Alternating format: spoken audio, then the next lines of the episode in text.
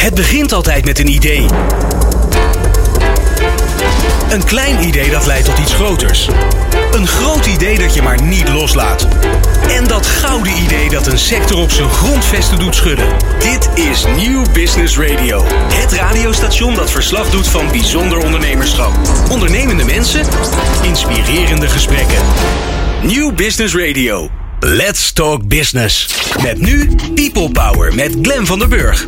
People Power is een programma over de kracht van mensen in organisaties. Met interviews en laatste inzichten voor betere prestaties en gelukkige mensen. Deze week gaat Glen van der Burg in gesprek met... Arthur de Neré van de Koekfabriek is te gast bij People Power samen met Annette van Waning van Verbego. Hoe kun je ervoor zorgen dat mensen met een beperking een onderdeel zijn van de samenleving? Een uh, vraag die wel vaker langskomt hier bij People Power. Belangrijke vraag. Nou ja, bijvoorbeeld om samen koek te bakken. Beetje, beetje rare redenering misschien, maar we gaan het komende uren horen hoe dat werkt. Arthur de Neré is namelijk mede-initiatiefnemer van De Koekfabriek. Met ondertussen al verschillende locaties in Nederland. En ik ben natuurlijk heel benieuwd, en jij waarschijnlijk ook, hoe dat idee nou ontstaan is. Hoe hij het initiatief van de grond heeft gekregen. En uh, niet onbelangrijk wat de resultaten zijn. En je hoort het vandaag bij People Power. Net zoals dat je aan het einde van het programma zo'n beetje uh, de nieuwe column van uh, Sven Romkes zal horen. En die gaat het vandaag hebben over geheel in de lijn van het bakken van koek over excellentie. People Power met Glen van den Burg. Ja, het volgende uur People Power, uur 2 uh, zitten we in. En uh, Annette van Waning is uh, lekker blijven zitten. Dat is wel, wel handig ja, zo, hè Annette? Ja, ja, zeker. Gewoon twee uur achter elkaar radio maken. Wat een feest. Uh, ondertussen is uh, Arthur de aange, aangeschoven van de Koekfabriek. Um, ja, uh, Annette, wij maken samen nu al bijna een jaar programma's over het onderwerp impact. Um, in het begin hebben, we, hebben we heel erg Verbego gevolgd, hè, want jullie zijn daar heel erg mee bezig. We, het verhogen van de maatschappelijke impact. Um, en ja, nu gaan we een beetje langzaamaan gaan we een beetje, beetje net even wat anders doen door bijzondere, en we gaan de lat gelijk hoog voor je leggen, Arthur, uh, en inspirerende ja, voorbeelden uh, uit, de, ja, uit, de, uit, de, uit de maatschappij ja. te halen. Ja, en waarom dan uh, de koekfabriek? Ja, dat ben ik. Ja, je zei zelf al, van we zijn uh, begonnen met deze zoektocht. Um, we zijn inmiddels een heel eind op weg. En ja, we worden een soort repeterende plaat als je elke maand ons verhaal hoort. En um, Verbego is ook graag de partij die verbindt en ook kennis deelt. En maar vooral ook vertelt hoeveel goede voorbeelden er nog meer zijn behalve bij Verbego. En... Um, nou, ik, ik woon in Utrecht en daar is de koekfabriek komt daar vandaan, is daar uh, begonnen. En ik hoorde dat verhaal en ik vond dat wel echt nou, super gaaf. Toen dacht ik, ja, dit is ook hoe je het verschil kan maken voor mensen, voor de maatschappij. En nou ja, dat het ook vooral ondernemers zijn die daarvoor hun, ja, hun nek uitsteken. En ook echt die maatschappelijke drive hebben om het verschil te gaan maken. Dus nou, zo kwam ik bij Arthur uit. En dacht zei ik van nou, volgens mij gaan we in, de, in deze uitzending in elk geval delen wat er is. Maar ook in de komende uitzendingen gaan we dat ook doen. Dus um, een deel van uh, waar we bij Verbego staan, maar ook vooral delen wat er nog meer gebeurt in het, uh, in het veld, in de maatschappij, als het gaat over impact en sociaal ondernemerschap. Ja, nou, ik, uh, ik kijk er nu al naar uit. Arthur, bijzonder welkom. Fijn dat je er bent. de Koekfabriek, uh, dat is uh, ja, de, de leader van New Business Radio is altijd. Het begint altijd met een idee. Ja. Dus ja, aan jou om dat nu te be bevestigen. Hoe, hoe is het idee ontstaan om hiermee te beginnen? Ja, ik ben ooit, uh, ik ben al 17 jaar hoor, ondernemer in Utrecht en omstreken. Um, de meest bekende restaurants zijn uh, Slangenvecht en Wilhelminenpark, onder andere in Utrecht. Um, en um, daar ben ik, in die rol ben ik eigenlijk ooit een keer uitgenodigd door de Kamer van Koophandel in Utrecht. Om aan een tafel te schuiven waar een denktank was georganiseerd. voor een horecaconcept in Utrecht. dat heet CISO, dat bestaat al 20 jaar. En dat is een soort, uh, ja, wat voor de meeste mensen bekender is, een soort Downies en Brownies. Dus daar werken ze uh, met mensen met een beperking op, de, op de werkvloer ook. Um, en daar werd, werd, werd ik uitgenodigd om mijn horeca-visie daar eens overheen te gooien. Uh, nou, dat heeft uiteindelijk geresulteerd in het feit dat ik uh, werd uitgenodigd door Renade. Die, dat is de partij die daar de zorg uh, verzorgt, zeg maar. En die zorgen vooral voor mensen met een aangeboren verstandelijke beperking. En uh, die hebben toen gevraagd, nou, uh, wij zijn al tijden aan het kijken of we er niet een ander soort concept van kunnen en willen gaan maken. Uh, zou je daar eens over na willen denken? Nou, daar heb ik een, een, een plan voor gemaakt. En eigenlijk was mijn eindconclusie zelf, toen ik dat moest presenteren, dat ik vind dat een deel van de doelgroep waar zij mee werken je beter niet op de vloer zelf kan zeggen. Nogmaals, het, uh, het is mijn mening, dus iedereen mag daar zijn eigen ding over denken. Ik denk wel dat horeca en alles wat daar gerelateerd is, een hele uh, goede omgeving is om te werken voor deze mensen. Omdat als je ze midden in de maatschappij wil plaatsen, dan is horeca natuurlijk een mooie plek. Omdat je niet alleen met uh, collega's te maken krijgt, maar ook met, en met de zorg, maar ook met de gasten. Uh, alleen voor het probleem van deze groep is dat ja, vaak eh, mensen met een lichamelijke beperking, zoals dat heet, die uh, missen een arm. En dan is er redelijk goed uh, bijvoorbeeld missen een arm. En die, dan is redelijk goed te bepalen wat ze wel of niet kunnen. Maar mensen met een aangeboren verstandelijke beperking of met een verstandelijke beperking, dat is een heel breed spectrum. En daar, ja, dat zijn, hoe gek het ook misschien klinkt in dit geval, maar het zijn allemaal kleine individuen.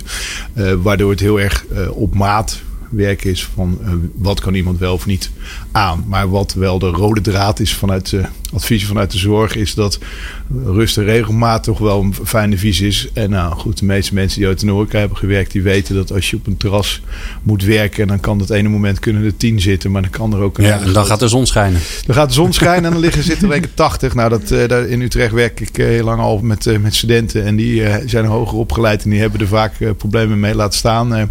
deze doelgroep. Dus ik, vind dat je ze wat beter op een plek kan zetten. Um, Waar ze wat meer rust en regelmaat hebben. Waar ze wel onderdeel zijn van het geheel. Nou, en toen heb ik uh, eigenlijk bedacht van nou, als we nou uh, een, een beetje in het kader van open keukens. Wat veel in horecabedrijven nu gebeurt. Maar dan uh, in dit geval een open bakkerij doen. We plaatsen het product wat we daar maken. Het koekje voor de hippe, tegenwoordig zo hippe koffiecultuur. Met alle baarden en getatoeëerde mafkezen. En, uh, en dan maken we eigenlijk de koek eh, belangrijker dan de koffie. En dat is ook ons concept in de koffiebar. Dus je komt binnen in de koffiebar en je kan uiteindelijk uh, uh, kies je het koekje en dan krijg je de koffie er eigenlijk bij.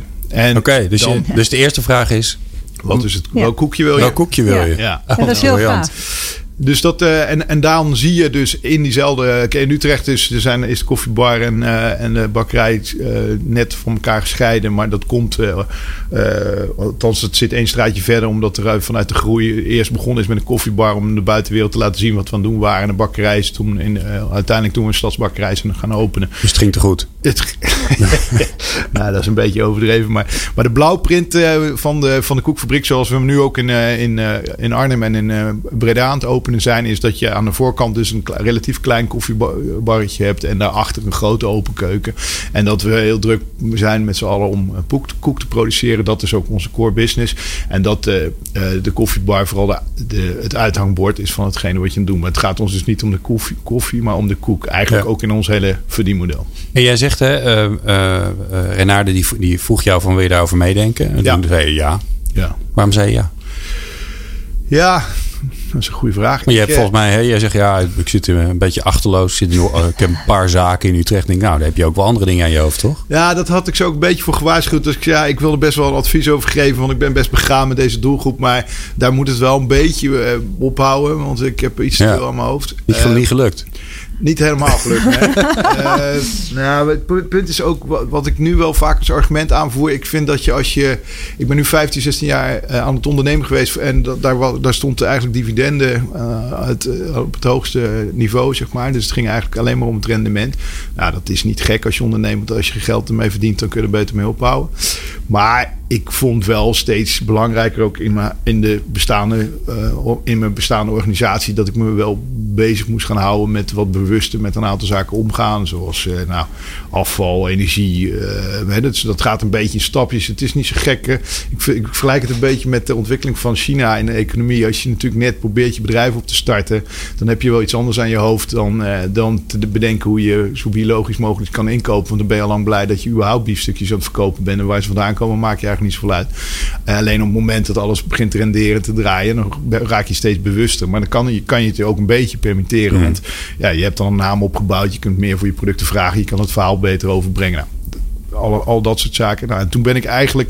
Ik was al bezig met... Uh, cultuurhistorisch erfgoed. Dat is een landgoed in het oosten van het land wat ik ook aan het exporteren ben. En ik zie daar wel een uitdaging in om te laten zien dat je zoiets dergelijks wel uh, um, rendabel kan krijgen. Want dat is ook best wel een groot probleem in ons land. Uh, dus ik was er een beetje door getriggerd dat je een soort ander soort impact uh, veroorzaakt bij het ondernemerschap dan alleen rendement of mm. financieel rendement. En daardoor vond ik ook dat toen deze de Renade me dat vroeg, zei ik ja althans, ik ben eigenlijk naar huis gegaan met het antwoord. Zeg nou, weet je, dat, uh, dat is een andere om uh, daar flink over na te denken. Want daar heb ik een beetje te druk voor. Dus je zei maar, eigenlijk, je eerste antwoord zei eigenlijk, ja, nou, ja, nee. nee. Maar het probleem is natuurlijk een beetje dat als je mij vraagt, dat is nou misschien het ondernemende in. Maar als je me een probleem voorlegt, dan ga ik er toch over zitten malen. Omdat ik al snel dan denk, ja, wat zou ik nou doen als ik in de positie van die man zou zijn? Want wat was het probleem? Dat, de, dat hele dagbesteding is een heel briljant bedacht theoretisch geheel. Alleen dan moet je wel allerlei partijen hebben die eraan mee willen werken. En het probleem voor het grootste gedeelte is dat vooral de commerciële, jammer genoeg, daar niet aan mee willen werken. Althans, dat ze daar de laatste, vanaf het begin het meeste problemen mee hebben gehad. Dus wat zijn allerlei zorginstellingen gaan doen? Die zijn zelf commerciële activiteiten mm. gaan ontwikkelen. Nou is het een beetje hetzelfde dat als ik een privaatkliniek zou gaan opzetten. Ja, en daar zelf ook nog gaan zitten snijden. Dat, dat gaat niet helemaal worden, zeg maar. Dus, en dan, daarom moet je mensen uit, uit commercie, hè, alle mensen die uit de zorg, eh, zolang ze verliezen, die binnen die exploitatie vaak op, op, optreden, begrotingstekorten gaan noemen, dan, dan hebben we een uh, behoorlijk probleem. Want ja. dan heb je ook geen incentive om het jaar erop wel winst te maken. Nou, als je dat wilt doorbreken, dan zul je dus commerciële ook de commerciële activiteiten moeten laten doen. Nou, dat is ook leuk. Maar goed, dan moet je wel commerciële hebben die dat überhaupt willen doen. Die überhaupt activiteiten willen ja, doen. En ja, en dat was natuurlijk een van de grootste problemen. En dan uh, ben ik, vind ik ook wel dat je zegt uh, dat je moet zeggen, nou ja, weet je, put it where your mouth is. Uh, laten we dan eens gaan nadenken om een ondernemende vorm te vinden om de zaak op te lossen. En dat hebben we uiteindelijk zijn we nogmaals heb ik echt niet in mijn eentje bedacht. Hebben een aantal mensen bij elkaar gezeten en daar is toen uiteindelijk eigenlijk de koekfabriek uit ontsproten, omdat we zeiden ja, als we dat nou op die manier com combineren, het is dag horeca, dat past heel goed bij dagbesteding, hè, want deze mensen werken vaak alleen maar overdag. Het is vrij gemoedelijk allemaal. Je hebt niet uh, dat in één keer uh, harde muziek, uh, een discotheek, over dat soort dingen. het is heel hip en happening. Maar laten we eerlijk zijn, we drinken al 80 jaar koffie. En dat zullen we de komende 80 jaar ook wel doen. koek is ook echt iets wat bij ons allemaal past. Iedereen vindt het lekker en past ook heel goed bij het product. Dus ik denk dat je daar... En daarnaast staan, staan de meeste van die koffiebar natuurlijk binnen de maatschappij. En ook nog omdat het geen zware horeca is, zoals wij dat vaak noemen... heb je veel minder problemen met allerlei vergunningen en dergelijke... om in binnensteden bakkerij op te zitten. Dan hebben we enige discussie die we intern hebben gevoerd. Wat moeten we stadsbakkerijen of uh, industriebakkerijen gaan openen? Want voor beide is natuurlijk wat te zeggen. Want als je veel werkplekken in één keer wil gaan uh, creëren, dan is het natuurlijk handig om een industrieterrein te gaan zitten. is goedkoper, makkelijke logistiek aan te zwengelen.